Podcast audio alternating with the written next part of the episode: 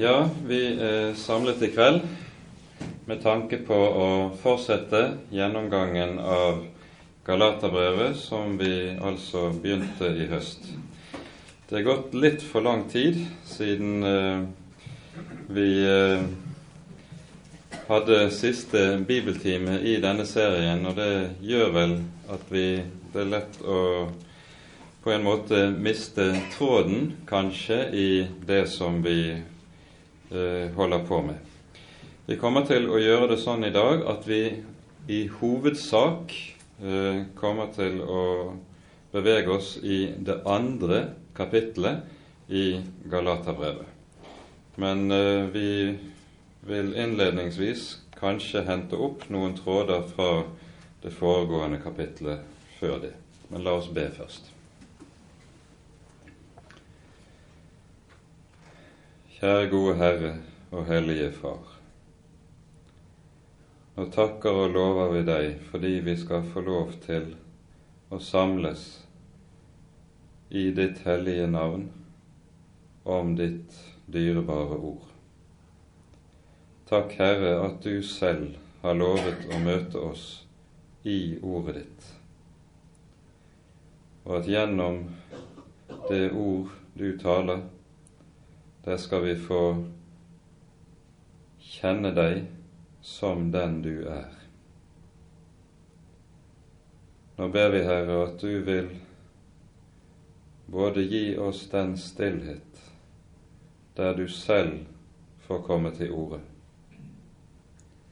og, Herre, at du vil sende din ånd på en slik måte at ordet også åpenbares for hjertene våre. Herre, uten at du sender din ånd, er alt vårt forgjeves. Og derfor ber vi at du vil forbarme deg over oss. Herre, kom du. Det ber vi for Jesus skyld, og takker og lover deg, Herre, fordi du er god, og fordi din miskunnhet varer til evig tid. Amen.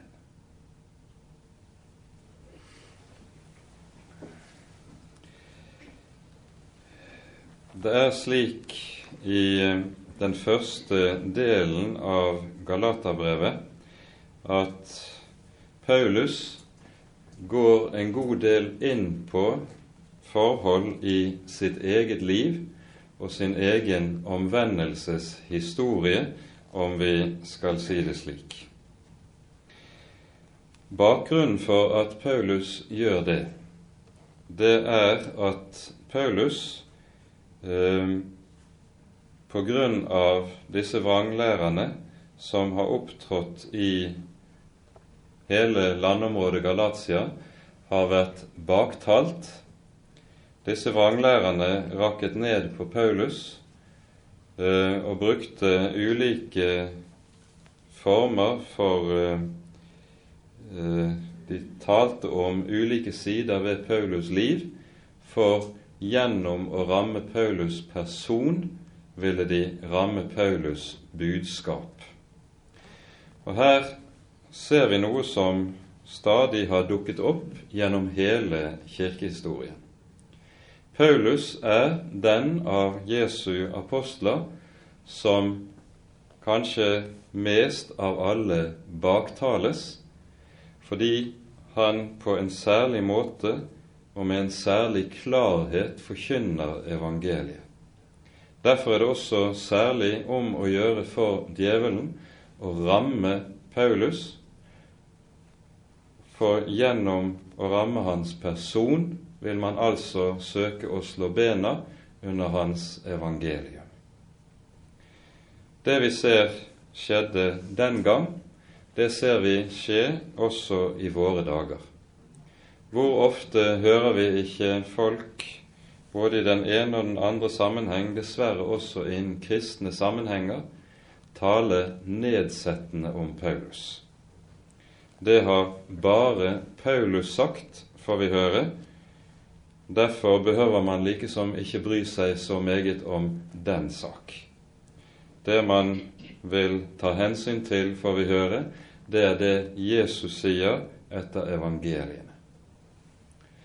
Det man da ikke er oppmerksom på, det er at hvis man setter en strek over Paulus budskap i brevene, da slår man også bena under det lys i evangeliet som er nødvendig både med tanke på den enkeltes frelse og med tanke på at vi skal eie trøst i Guds ord, trøst med tanke på den anfektelse som ofte kan ramme samvittigheten hos en kristen.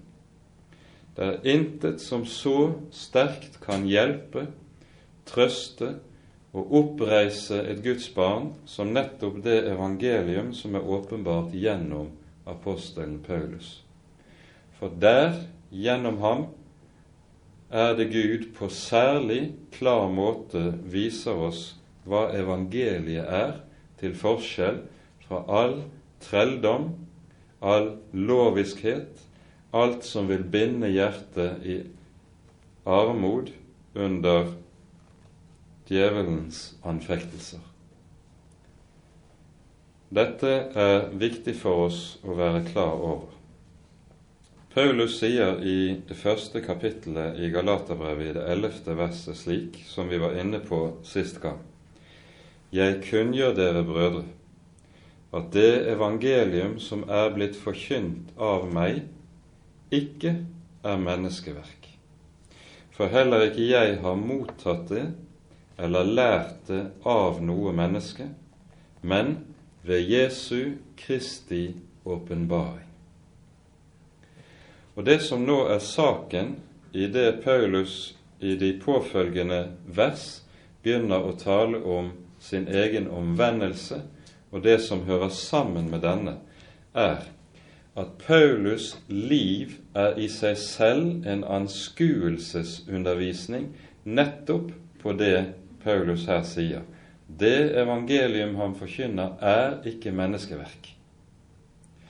Dersom budskapet han forkynte, hadde vært menneskeverk, dersom det var noe som kom fra ham selv, som var oppstått i hans eget hjerte, da hadde budskapet sett helt annerledes ut.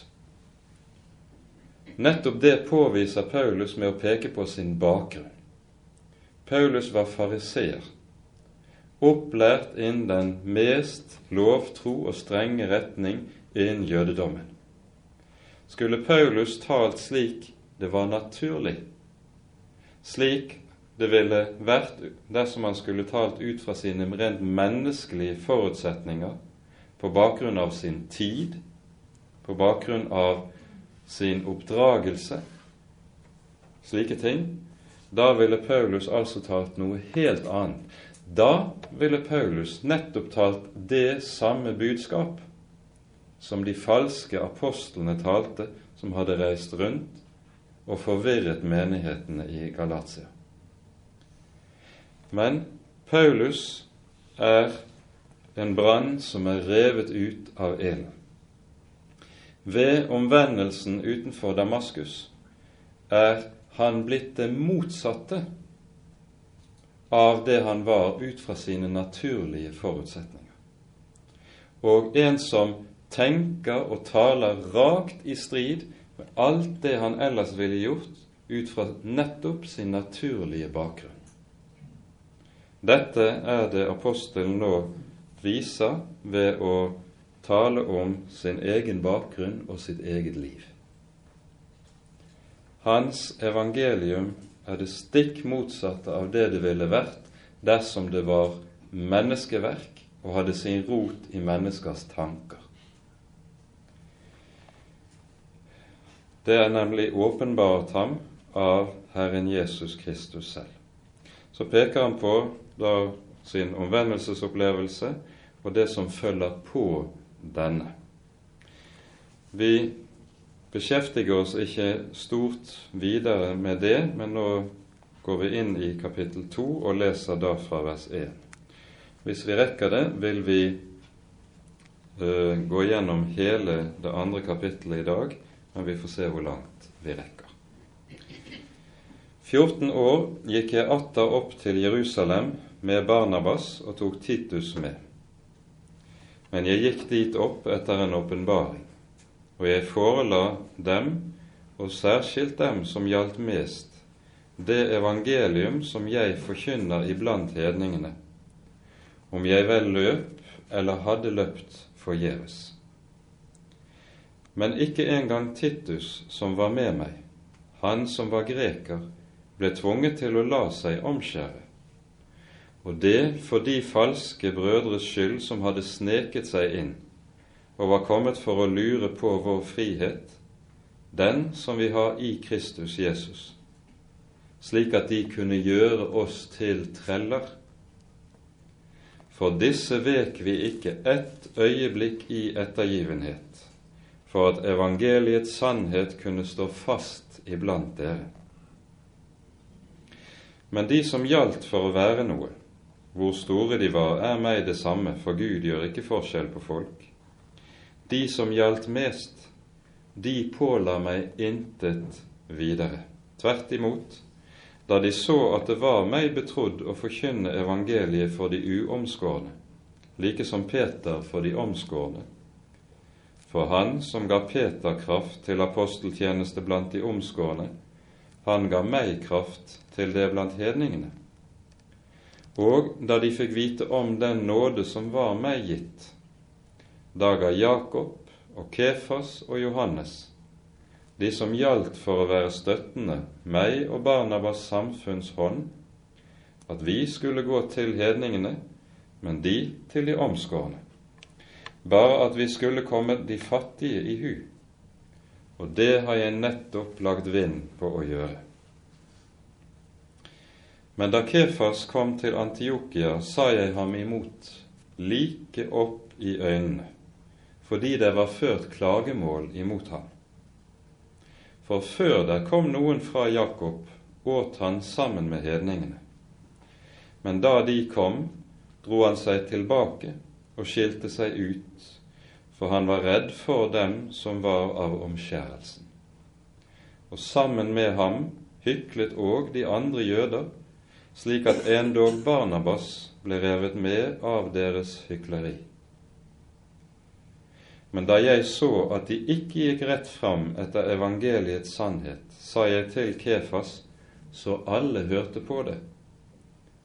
Når du som er jøde, lever som hedning, og ikke som jøde, Hvorledes kan du da tvinge hedningene til å leve som jøder?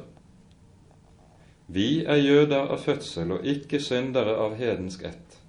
Men da vi innså at et menneske ikke blir rettferdiggjort av lovgjerninger, men ved tro på Kristus, så trodde også vi på Kristus Jesus, for å bli rettferdiggjort av tro på Kristus og ikke av lovgjerninger ettersom intet kjød blir rettferdiggjort av lovgjerninger.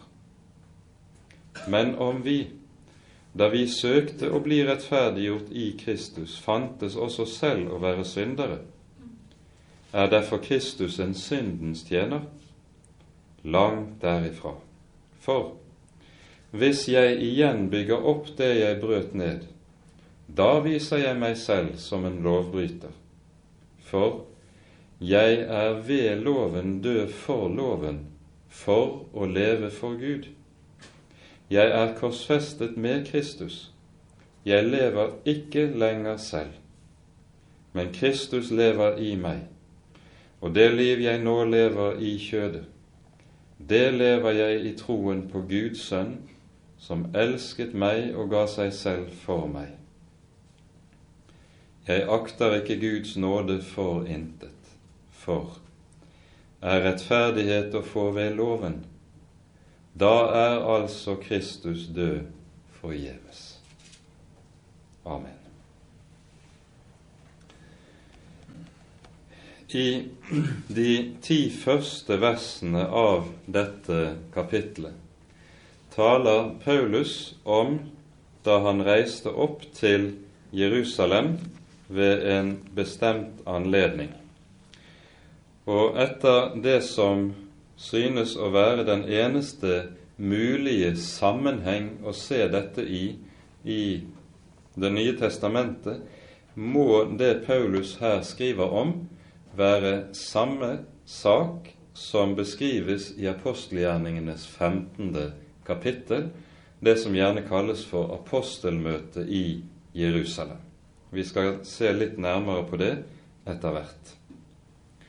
Dette apostelmøtet i Jerusalem ble etter det som er den vanlige kronologien når en ser på Paulus liv i sammenheng, avholdt i år 51 etter Kristus.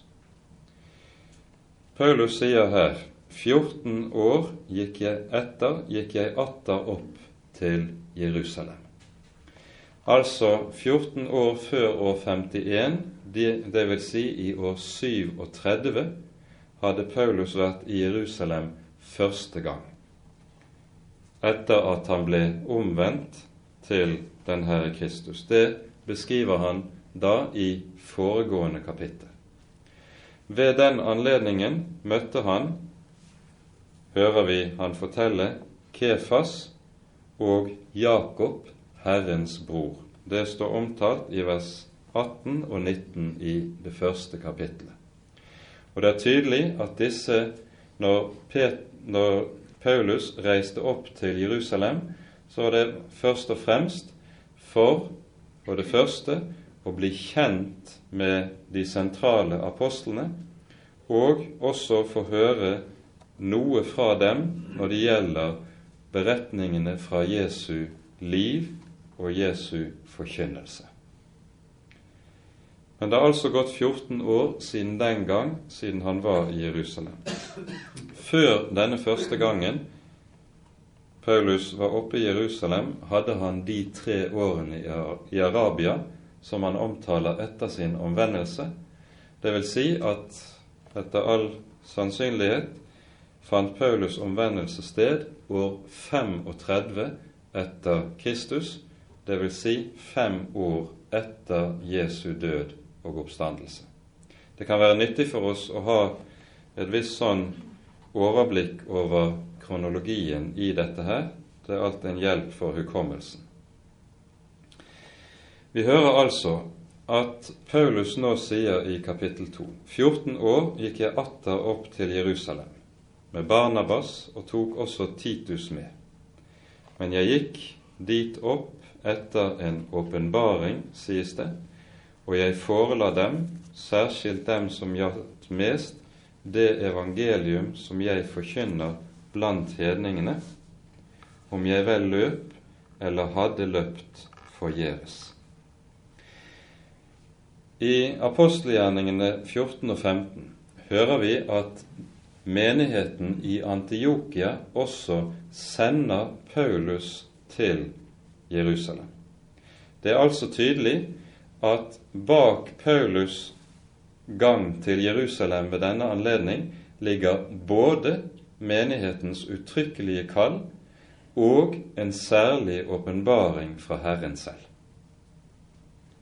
Vi forstår med andre ord at det som ligger bak denne reisen, må ha vært av overmåte viktighet. Og Når Paulus så kommer til Jerusalem, hva gjør han da? Han legger frem det evangelium han forkynner. Det vi hører om her, det er altså rett og slett lære samtaler mellom Paulus og de øvrige apostlene. Paulus vil la sin forkynnelse prøve av de øvrige apostlene. Og så sier han han vil vite om jeg vel løp eller hadde løpt forgjeves. I det ligger det jo at dersom Paulus hadde forkynt noe som var i strid med Guds ord, så ville også hele hans gjerning, og dermed også all frukten av hans virksomhet, være noe som var forgjeves. Da var det nemlig ikke en frukt av Herrens ånd og av Herrens hånd, men bare en frukt av rent menneskelige anstrengelser det handlet om. For dette er grunnleggende viktig. I Salme 127 har vi dette viktige ordet som gjelder alt arbeid i Guds rike. Dersom Herren ikke våker over byen, våker, våker vekteren forgjeves. Dersom Herren ikke bygger, bygger arbeidsmennene forgjeves. Det som er det avgjørende, er dette er det Herren som virker. Og Herren virker kun, og det er det som er så å si krumtappen i denne sammenheng, han virker kun der ordet forkynnes rett. Hans ånd er ikke virksom og er ikke til stede dersom ordet forvrenges eller forkynnes galt. Dette er overmåte viktig å ha klart for seg. Nå tror jeg at vi skal hoppe til apostelgjerningene 15 og se noe nærmere på det som fortelles i denne sammenheng. Disse to avsnittene kaster nemlig klart lys over hverandre. I slutten av det 14. kapittel hører vi om hvorledes Paulus vender tilbake til Antiokia etter sin første misjonsreise, og forteller menigheten der om hva som har hendt under reisen, og menigheten takker glad Gud for det de får høre. Og så hører vi nå i 15.1 og utover. Der kom noen ned fra Judea og lærte brødrene Dersom dere ikke blir omskåret etter Moses skikk, kan dere ikke bli frelst. Da det nå oppsto strid, og Paulus og Barnabas fikk et ikke lite ordskifte med dem, vedtok de at Paulus og Barnabas og noen andre av dem skulle dra opp til apostlene og de eldste i Jerusalem og legge dette spørsmålet frem for dem. Menigheten fulgte dem da et stykke på veien, og så dro de gjennom Fønikia og Samaria idet de fortalte om hedningenes omvendelse, og de vakte stor glede hos alle brødrene. Da de kom frem til Jerusalem, ble de mottatt av menigheten og apostlene og de eldste, og de fortalte hvor store ting Gud hadde gjort ved dem. Men det reiste seg noen av fariseernes parti som hadde tatt ved troen, og de sa de må omskjæres og bydes å holde Moselov. Apostlene og de eldste kom da sammen for å overveie denne sak. Da det nå ble et skarpt ordskifte, sto Peter opp og sa til dem, Brødre, dere vet at allerede for lenge siden gjorde Gud det valg iblant dere at ved min munn skulle hedningene få høre evangeliets ord og komme til troen. Og Gud, som kjenner hjertene, ga dem vitnesbyrd i det Han ga dem, like som oss, Den hellige ånd. Og han, gjorde, og han, altså Gud, gjorde ingen forskjell mellom oss og dem, i det han ved troen renset deres hjerter. Hvorfor frister dere da nå Gud ved å legge et åk på disiplenes nakke, som verken våre fedre eller vi var i stand til å bære? Men ved den Herre Jesu nåde tror vi at vi blir frelst på samme måte som de. Da tidde hele mengden. Og de hørte på Barnabas og Paulus, som fortalte hvor store tegn og undergjerninger Gud hadde gjort blant hedningene ved dem. Vi kan stanse der i første omgang. Det vi hører her, det er at det tydeligvis har vært en gruppering av fariseerne som har sluttet seg til den første kristne menighet i Jerusalem. Denne gruppering har antagelig ikke vært så rent liten. De har altså vært en gruppe jøder som tror at Jesus er Messias. De tror på Jesu korsfestelse, død og oppstandelse. men samtidig forkynner de at det er en forpliktelse for alle som tror på Jesus, å overholde hele Moselov. Det er forpliktelsen, og det er kravet. Og disse har som fariseere, akkurat som Paulus var før sin omvendelse, vært meget nidkjære nettopp for at loven skal overholdes. De nøyde seg ikke med å være i Jerusalem og fremholde dette, men vi hører de også reiser omkring. De kom til Antiokia, skapte strid der, og det er tydelig at de også var kommet helt opp til Galatia, dette store området i det nåværende Tyrkia. Og av det vi leser i 2. Korinterbrev, forstår vi at disse ser ut til å nærmest å ha fulgt Paulus i hans fotspor, slik at så snart han har plantet en ny menighet, så har disse kommet en tid etterpå og forkynt dette falske evangelium. Og dette falske evangelium innebar altså hedningene er forpliktet til å omskjæres i samsvar med Moselov, og dermed, og det er det andre, forpliktes til å overholde Moselov på samme måte som jødene var det. Det er vranglæren.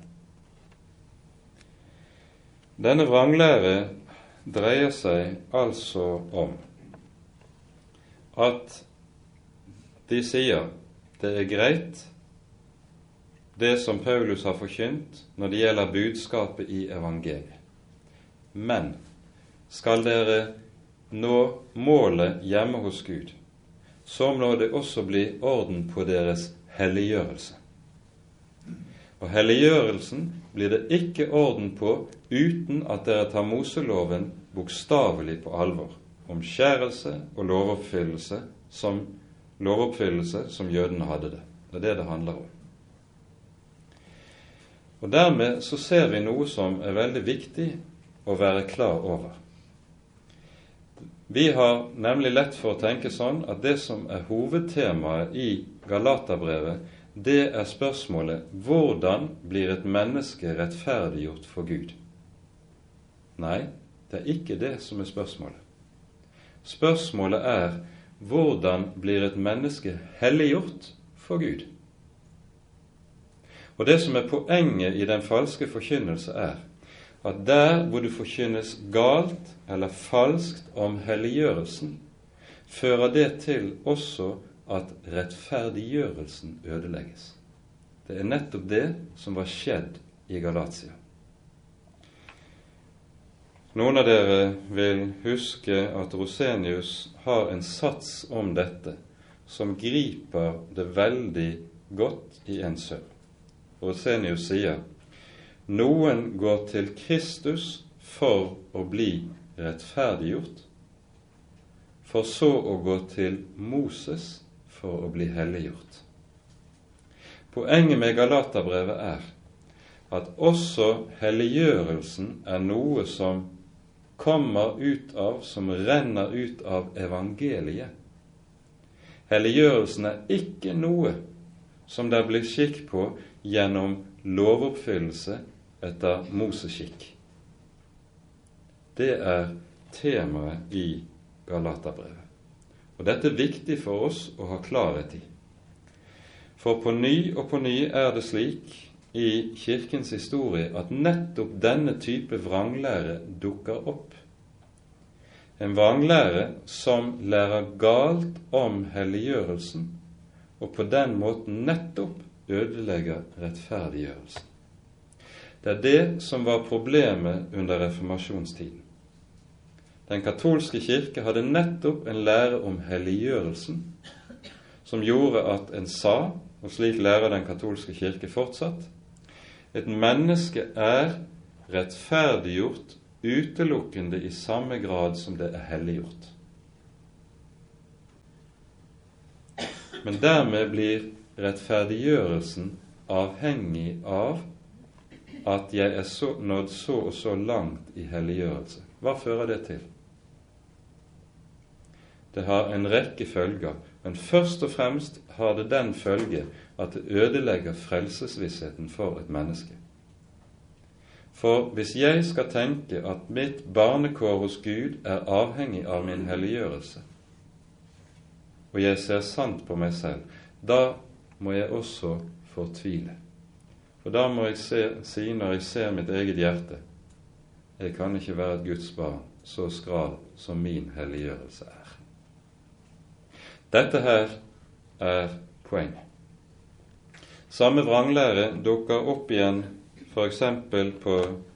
under 1700-tallets vekkelse i forbindelse med John Wesley og metodismen. John Wesley blir jo omvendt og får se evangeliet gjennom å lese Luthers kommentar til Galaterbrevet. Og den kom til å bety usigelig mye for ham. Men etter hvert som han lever, så får han større og større problemer nettopp med spørsmålet om helliggjørelsen. Og så utvikler han en lære om helliggjørelsen som i praksis nettopp kommer til å ødelegge læren om rettferdiggjørelsen. Og så føres mennesket på ny inn i trelldom. Dette her dukker opp på ny og på ny, altså. Og urformen til dette er det vi da ser i den vranglære som har dukket opp i Galatia, og som nedstammer fra fariseerne som hadde sluttet seg til den første kristne menighet. Her hører vi i det som nå skjer i Jerusalem. For det første, Paulus legger frem budskapet sitt og evangeliet. Det fører umiddelbart til protester fra disse fariseeres side, og så blir det strid. Dette er noe som også er ganske karakteristisk. Der vranglæren kommer inn, der blir det alltid strid i Guds folk. Det er vranglæren som er årsak til kamp, strid og ufred i den kristne menighet. Men så skal vi også være klar over at vranglærerne gjerne også har det kjennemerket med seg at de stadig taler høyt om hvor viktig det er med fred, og at den ikke strides. De retter skarpe anklager mot de som søker å holde fast på det som er budskapet i Guds ord, og avvise fornektelsen. De, de, som gjør det, de er stridbare, de er dømmesyke, de er ikke villige til fred, og de mangler fremfor alt kjærlighet. Den slags anklager er det som på ny og på ny dukker opp mot de som strider slik. Men her er Paulus og Galaterbrevet uhyre klart. La oss nå hoppe tilbake igjen til Galaterne 2. Etter at Paulus forteller i vers 2 hvordan han har lagt frem sitt budskap, så får vi høre hva som følger av det. Titus var med i følget som kom fra Antiokia. Ikke engang han som var greker, ble tvunget til å la seg omskjære, sies det. Og så hører vi motiveringen i neste vers. Og det for de falske brødres skyld, som hadde sneket seg inn og var kommet for å lure på vår frihet, den som vi har i Kristus Jesus, slik at de kunne gjøre oss til treller. Her hører vi Paulus bruke en bestemt benevnelse på de falske, disse apostlene. De er falske brødre. De er altså slike som gir seg ut for å tilhøre Guds folk uten at de virkelig gjør det. Og nettopp deres forkynnelse avslører det. Dette er noe som Paulus også vender tilbake til meget klart i det femte kapittelet der han sier uttrykkelig dere er falt ut av nåden, dere som vil rettferdiggjøres ved loven. Det å ville bruke loven som grunnlag for sitt gudsforhold, Det fører til at en mister Guds nåde, dvs. Si ikke lenger er et Guds barn, ikke lenger er en broder i menigheten, for å bruke uttrykket her. Disse var kommet inn, sies det, for å lure på de troendes frihet. Og det er nettopp det Paulus kjemper for med så stor kraft i dette brevet. Det er den frihet som evangeliet gir et Guds barn. Hva slags frihet er det? Det er den frihet som råder i samvittigheten. Det er friheten fra dommen under loven. Det er friheten fra trelldom som knuger en kristen når det får komme inn, dette får lov til å komme inn i hjertet. Det er friheten fra den strev og det møye som loviskhet alltid fører til i kristenliv. Evangeliet har det med seg at det alltid gir hjertet hvile. Det alltid gir hjertet fred. Men lovtrelldommen fører til det rakt motsatte, til trelldom, ufrihet, møye og strev, og ikke minst mye kamp i samvittigheten. Legg så også merke til hva Paulus sier i det femte verset her. For disse vek vi ikke ett øyeblikk i ettergivenhet, for at evangeliets sannhet kunne stå fast iblant dere. Her ser vi et trekk som er uhyre grunnleggende. Det har vært sagt om Paulus slik Paulus er som voks i kjærligheten, men som diamant i troen. Når det gjelder det som har med kjærligheten i forhold til nesten, så er Paulus myk som voks. Da er det ingenting det står på for hans del. Han gjør hva det skal være, og man kan gjøre sin neste godt og vinne han for Kristus. Det hører vi mange vitnesbyrd om i brevene. Der er Paulus ikke stri. Der er Paulus ikke prinsipprytter. Der er han ikke firkantet. Men når det gjelder sannheten i troen, i evangeliet, der er han hard som diamant. Der bøyer han ikke av en hårsbredd engang. For den må stå uantastet. Det er avgjørende for menighetens velbefinnende, for troslivet overhodet, at evangeliet kan bli bevart klart. Og Derfor sier han vi vet ikke ett øyeblikk i ettergivenhet. Når det gjelder evangeliets sannhet, kan en ikke inngå kompromiss. Der er det ikke tale om å finne den gylne middelvei mellom det som er skjev forkynnelse, og det som er sant. Dessverre opplever vi, ikke minst i våre dager, at man forholder seg til sannheten i Guds ord på samme måte som politikere gjør når de forhandler og driver tautrekning. Så står den ene på én kant og på den andre på annen kant, og så gir den ene noe, og så gir den andre noe, og så arbeider man seg frem til et kompromiss. Slik ser man vi at man også forholder seg innen Kirken til ulike saker som har med sannheten i Guds ord å gjøre. Det er uverdig. Med sannheten i Guds ord går vi ikke på akkord. Med sannheten i Guds ord har vi ikke lov til å vike en tomme. Og Her ser vi at Paulus er meget klar som forbilde for oss på dette området. Deretter går Paulus så videre til å beskrive hvordan det utkommet ble på den læresamtale han hadde med Kefas, Jakob og Johannes. Det var de som ble regnet som søylene i urmenigheten i Jerusalem. Og Legg nå merke til hvordan Paulus uttrykker seg. De som gjaldt for å være noe, hvor store de var, er meg det samme. Gud gjør ikke forskjell på folk. De som gjaldt mest, påla meg intet videre. Når Paulus omtaler disse søylene i menigheten på denne måten, så peker det på noe som er grunnleggende i Paulus' personlighet. Han var en som var fri for menneskehensyn.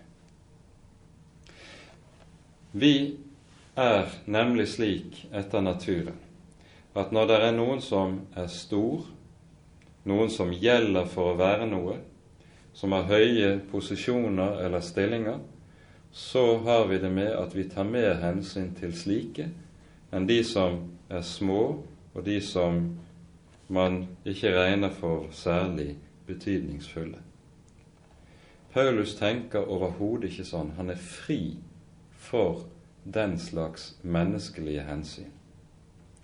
Vi hører han si om seg selv, eller rettere sagt når han forteller om sin omvendelsesopplevelse under rettssaken som er gjengitt i apostelgjerningene 26, så si, hører vi han si fortelle om at Kristus sa til ham utenfor Damaskus først hvordan han skulle sendes ut til vitne for evangeliet, og så knytter Jesus et løfte til dette. Han sier, 'Jeg vil fri deg fra alle de folk jeg sender deg til'. Et underlig uttrykk. Men her peker han på noe som er overmåte viktig for enhver forkynner. Hvis en forkynner nemlig lar seg binde av de forventninger en forsamling sitter med, lar seg binde av de tanker som råder hos dem han går til og er utsendt til, da vil også budskapet hans bindes.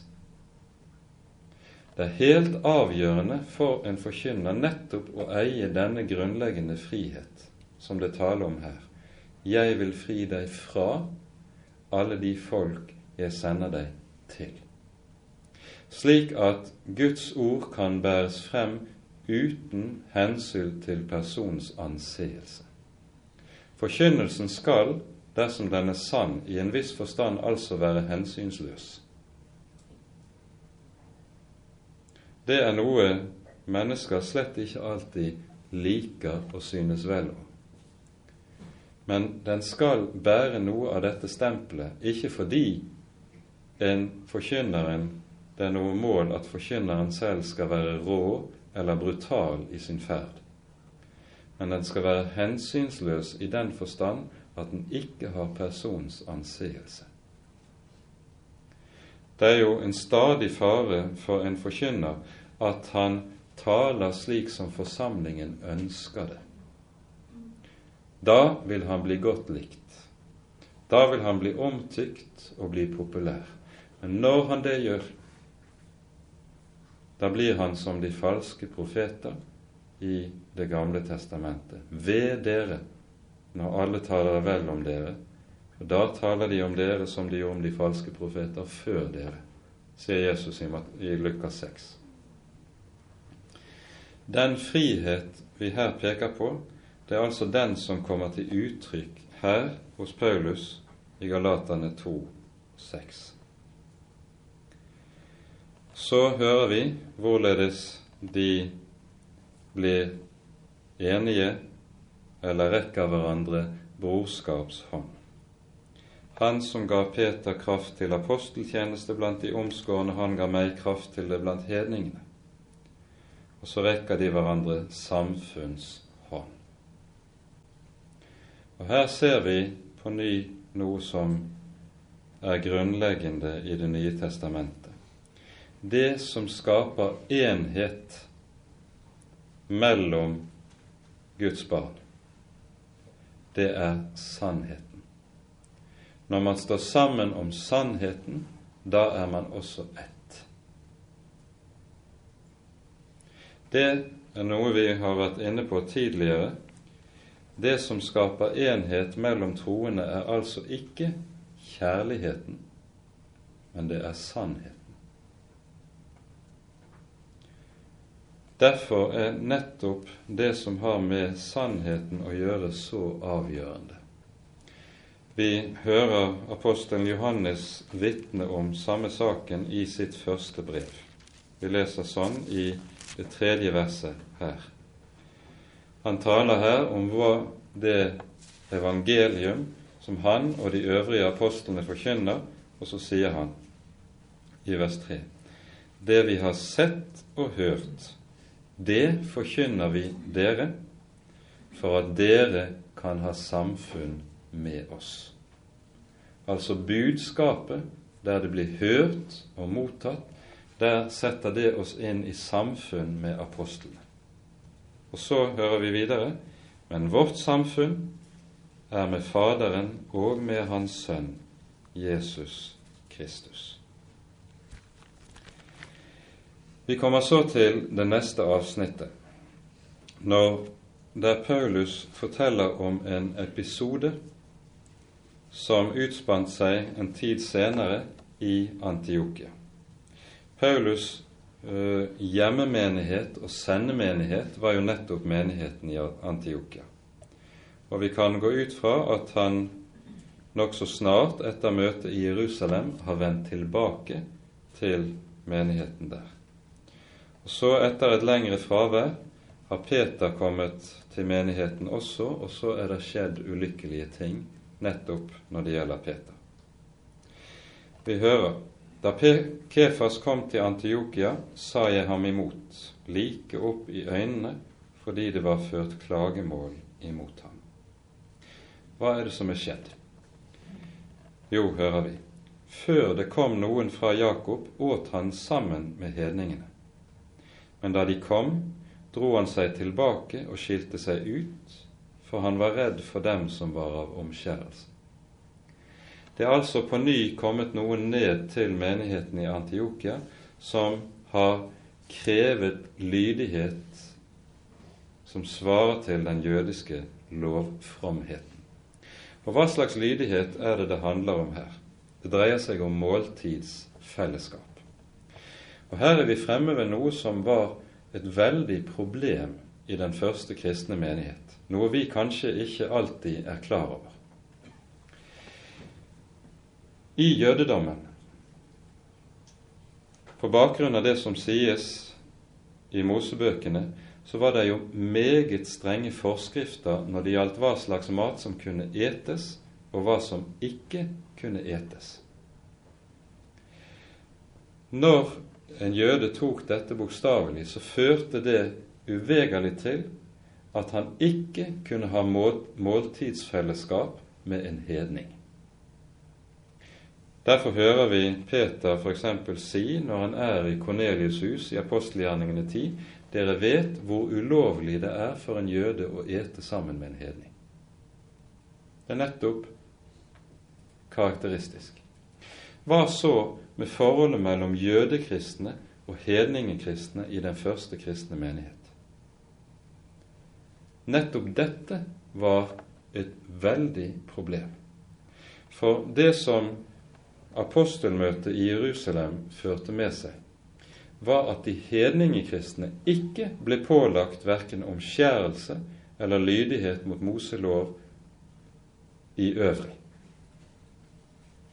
Men de jødekristne på motsatt side, de fortsatte å overholde loven. Moseloven var så å si deres særlige arv fra Gud, som de fortsatte å iaktta. Hvordan skulle da de hedningekristne og de jødekristne ha fellesskap i menigheten? For det var slik i oldtiden er slik i de fleste kulturer utenom vår egen kultur, hvor måltid er blitt noe helt likegyldig noe. Der er måltidsfellesskapet så å si det, noe av det grunnleggende menneskelige fellesskap. Kan du ikke ete sammen med en, så er det fordi du ser på han som vranglærer. Slik ville en tenke i oldtiden. Og hvordan skulle det da være med forholdet mellom jødekristne og hedningekristne i menigheten. Dette brottes Det nye testamentet med i flere sammenhenger. Men svaret på problemet er jo gitt allerede med det som skjer med Peter i apostelgjerningene 10, når Herren åpenbarer seg for Peter.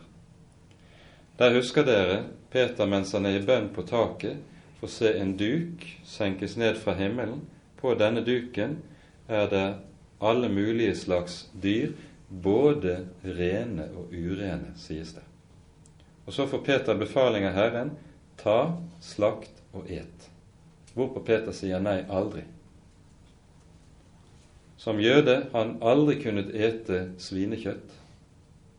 Aldri kunne ete kjøtt av en rekke andre slags dyr. Men Herren sier det jeg har gjort rent, skal ikke du kalle urent. Det som altså skjer med evangeliet, det er en opphevelse av en del av lovgivningen i Det gamle testamentet, ikke minst det som har med måltid å gjøre. Dette, denne lovgivningen den hadde et bestemt navn hos jødene. Den ble kalt lovens gjerde eller lovens mur. Og Nettopp dette uttrykket dukker opp et bestemt sted i Det nye testamentet hvor vi ser Paulus taler nettopp på bakgrunn av sin fortid som rabbinsk lærd. Galater, unnskyld, Efeserbrevets annet kapittel. La oss slå opp der.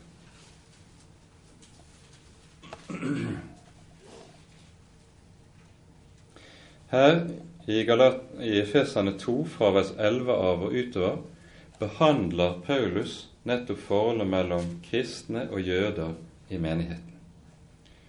Vi leser fra vers 11. Kom derfor i hu at dere som fordum var hedninger i kjødet, og ble kalt uomskårne av den såkalte omskjærelse på kjødet, den som gjøres med hånden, at dere på den tid sto utenfor Kristus, utelukket fra Israels borgerrett og fremmede for paktene med deres løfte, uten håp og uten Gud i verden. Men nå, i Kristus Jesus, er dere som fordum var langt borte, kommet nær til ved Kristi blod. For Han er vår fred, Han som gjorde de to til ett og nedrev gjerdets skillevegg, fiendskapet.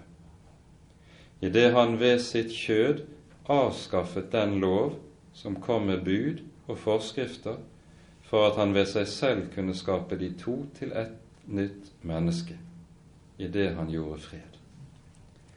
Gjerdets skillevegg, det er nettopp navnet på den lov Gud hadde gitt til jødefolket og som skilte dem fra hedningene, som hindret jødene fra å ha fellesskap med hedningene. Den er nedbrutt ved evangeliet. Ser vi nærmere på dette i Det gamle testamentet, så ser vi at Det gamle testamentet inneholder tre hovedtyper av lover, av lovgivning. For det første er det vi kaller for morallovgivning. Det er bud som lærer oss, som f.eks. de ti bud, hva som er rett og galt på det moralske området. Dernest finner vi i Mosebøkene samfunnslovgivning. Det gamle Israel det var et teokrati, slik at lovene i Guds ord også var lover for samfunnet. For det tredje inneholder Det gamle testamentet det vi kaller seremonial lovgivning. Lovgivning som henger sammen med ofrene i tempelet, og spiseforskriftene de hører med til seremonial lovgivningen. Å spise noe urent ville gjøre et menneske urent slik at det ikke kunne delta i gudstjenesten i tempelet. Det er poenget med spiseforskriftene. Hva skjer med den nye pakt? Jo, det som da skjer, er for det første at seremoniallovgivningen oppheves. Alle forskrifter som handler om ofrene, tempeltjenesten og spiseforskriftene oppheves. Hvorfor? Fordi det fullkomne offer som alle forskriftene om offer i Det gamle testamentet bare er et full forbilde på, det fullkomne offer er gitt ved Jesu død på korset. Dette er tema i hebreerbrevet. Hebreerbrevet handler om altså hvorledes seremoniallovgivningen er avskaffet i kraft av Jesu død på Golgata. Dermed er spiseforskriftene heller ikke bindende for en jøde. Han kan, hvis han vil, ete eller la være å ete. Det er opp til hans kristne frihet. Men han er ikke bundet etter loven av det lenger.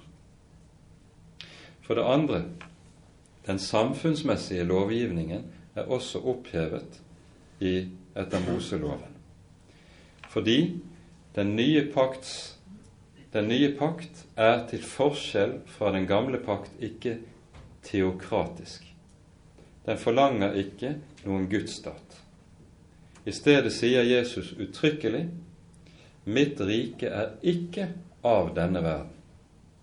Den gamle testamentets paktsfolk var derimot noe som også var av verden. Man hadde en Guds stat. Og Derfor så oppheves også den samfunnsmessige lovgivningen som hørte med til Det gamle testamentet. Det innebærer at en kristen som lever i Tyskland, i England, i Norge, ikke er bundet av strafferetten i Mosebøkene.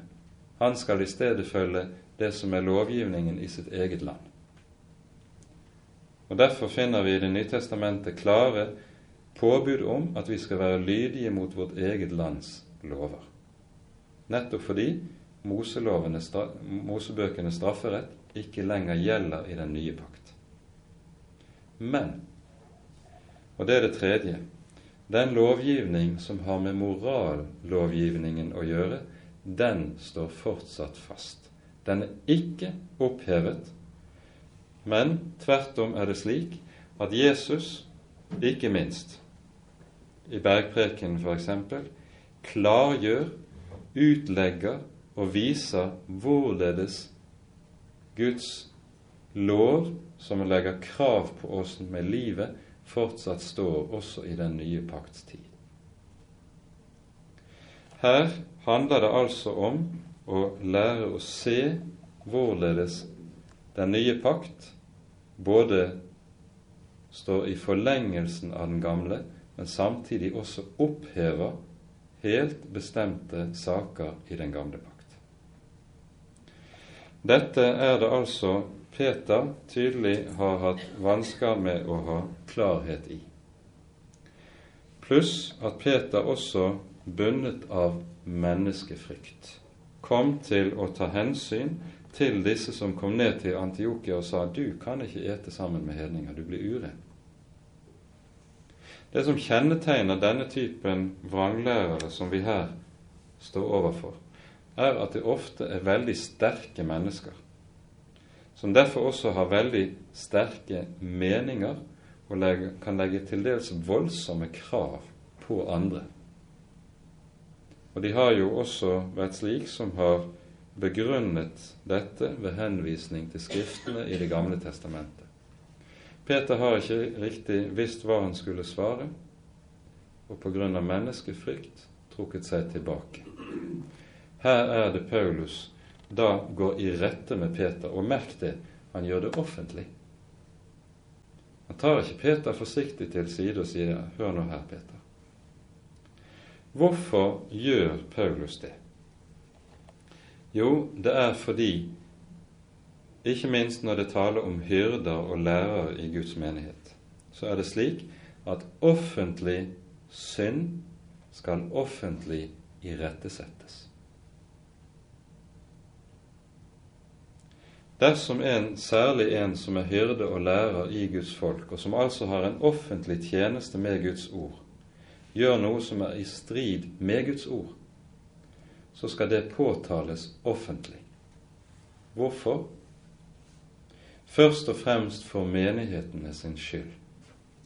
at det ikke skal bli stående overfor menigheten at det som er gjort galt av en av deres hyrder, er upåtalt og dermed indirekte får en eller annen form for godkjennelse. Her er Det nye testamentet meget klart. Ellers er det jo slik at akkurat denne episoden vi her finner, den har en pussig betydning kirkehistorisk. For innen katolisismen er det jo slik at man har dogme om pavens ufeilbarlighet. Paven er Peters etterfølger. Det er dogme som nettopp sier at paven er ufeilbarlig i alt sitt liv. Men her har vi altså et nytestamentlig eksempel på at Peter nettopp også tok feil og måtte irettesettes. Sannelig, når han som er kilden til pavedømmet, var feilbarlig, kan da de som følger etter, ikke også være det? Derfor har også katolsk teologi alltid hatt store problemer med å komme rette, til rette med nettopp denne fortellingen her. Vel, vi behøver ikke å beskjeftige oss mer med den sak. Vi kommer nå til avslutningen av kapittelet, og jeg ser tiden er gått så lang at vi rekker ikke å gå dypere inn på dette. Men vil bare peke på kort noen få ting som gjelder dette avsnittet. Det, det er avsnittet fra vers 15 til og med vers 21. Det er et stort spørsmål her hvorvidt det som her sies, er en del av det Paulus sa til Peter i Antiokia ved denne bestemte anledning. Eller om det bare er slik at Paulus så å si fortsetter tankegangen uten å liksom gjøre klart at han her foretar et tankesprang. For min egen del vil jeg tro at Paulus antagelig har sagt nettopp noe av disse grunnsannhetene som vi her har for oss, i Antiokia for å gjøre klart for hele menigheten at det det her står om når Peter har tråkket i salaten, for å bruke et sånt uttrykk, det er ikke små ting. Det det her står om, er helt grunnleggende sannheter i troen, som han nettopp så bruker anledning til å legge frem for menigheten. Paulus sier nå da vi innså at mennesket ikke blir rettferdiggjort av lovgjerninger, men ved tro på Kristus Jesus, så trodde også vi på Kristus for å bli rettferdiggjort av tro på Kristus, og ikke av lovgjerninger, ettersom intet kjød blir rettferdiggjort av lovgjerninger. Her taler Paulus om noe han har innsett. Det er altså noe som er en grunnleggende del av den kristne erkjennelse. Paulus' innsikt i dette var noe som ble gitt ham i første omgang ved Damaskus, og som han senere er vokst i. Peter har sett nøyaktig samme ting. Det er noe av det Jesus nettopp har lært, undervist og oppdratt Peter og de øvrige disiplene i i løpet av de tre årene de var sammen.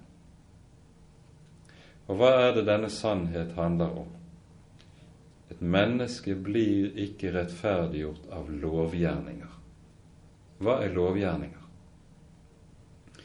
Skal vi gi en kort, konsentrert definisjon av det, så er lovgjerninger det gamle menneskets forsøk på å oppfylle Guds hellige lov. For på den måten å bli slik Gud krever at mennesket skal være. Lovgjerninger er altså det gamle menneskets forsøk på å bli noe annet enn det er i seg selv.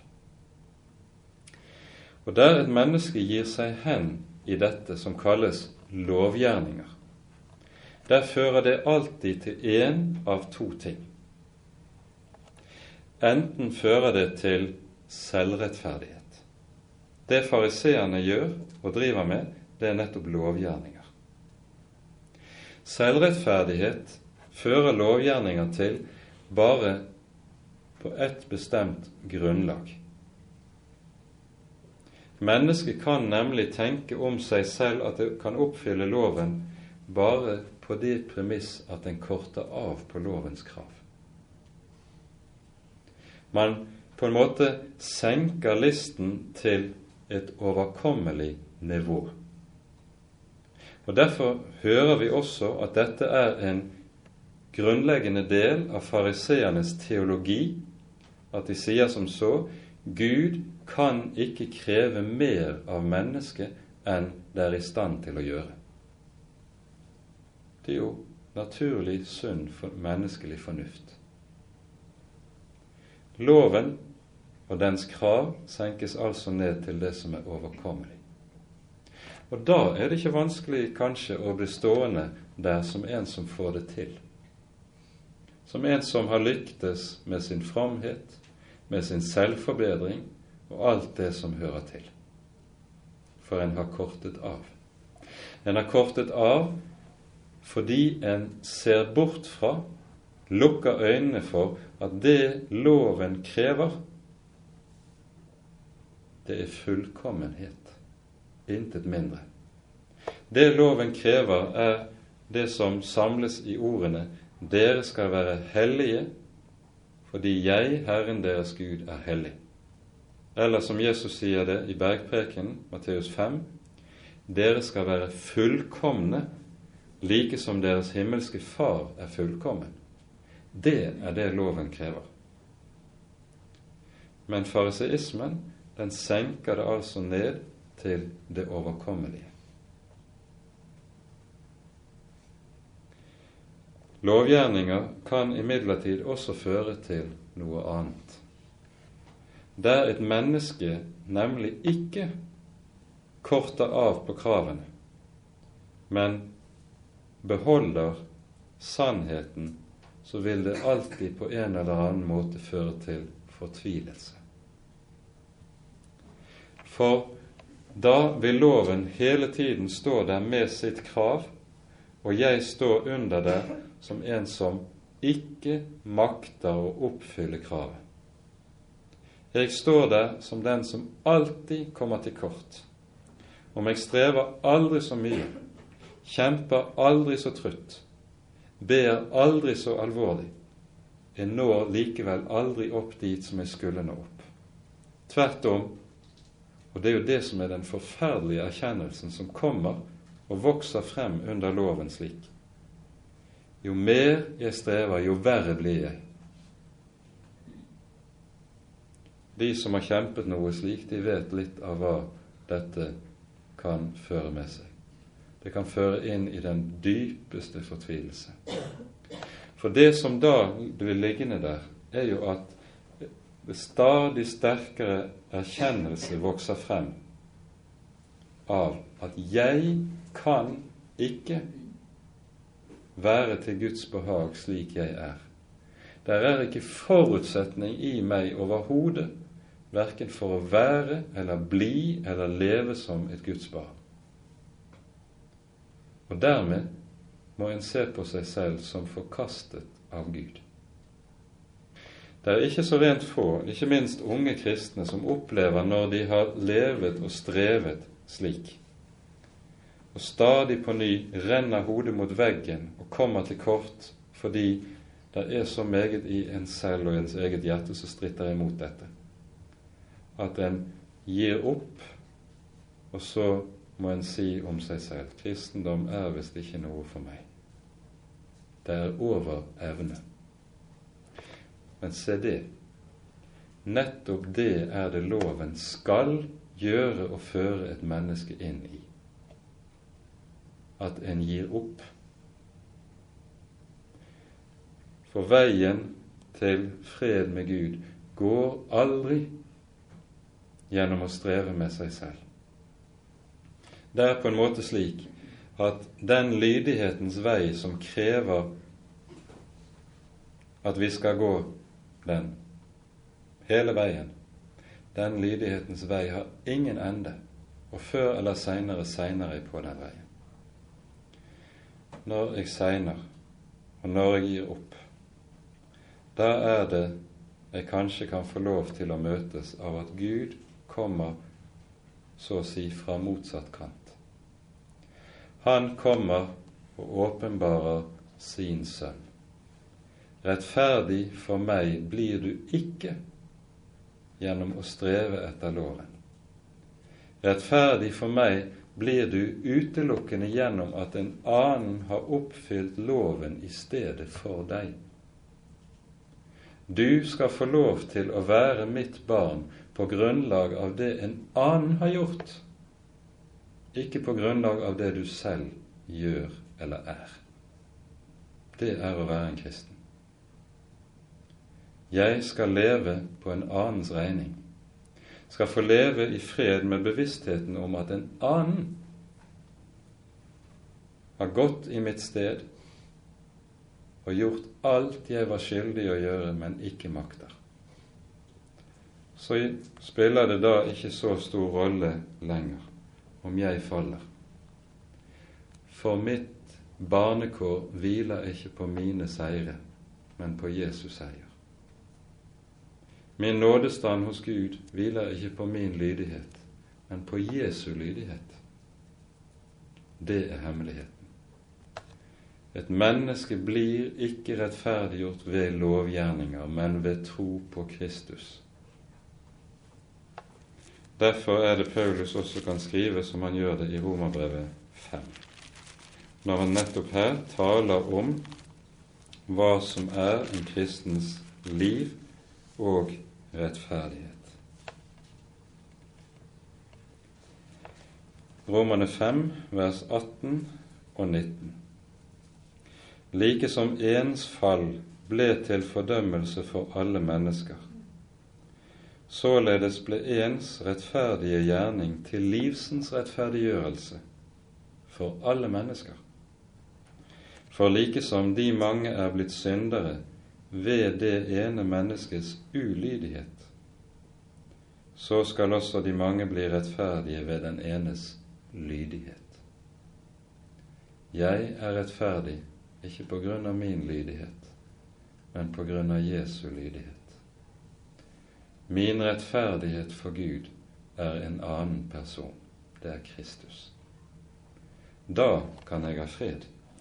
For Min helliggjørelse her i livet den blir aldri annet enn halvveis, og som regel ikke det engang, helst noe enda mindre.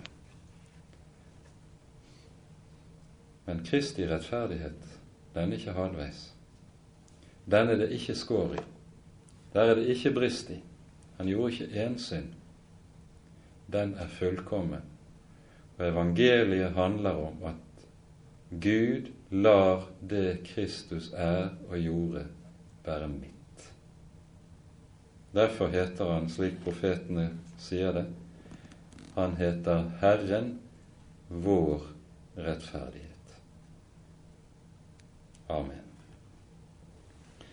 Ære være Faderen og Sønnen og Den hellige ånd, som var og er og være skal, en sann Gud, høylovet i evighet. Amen.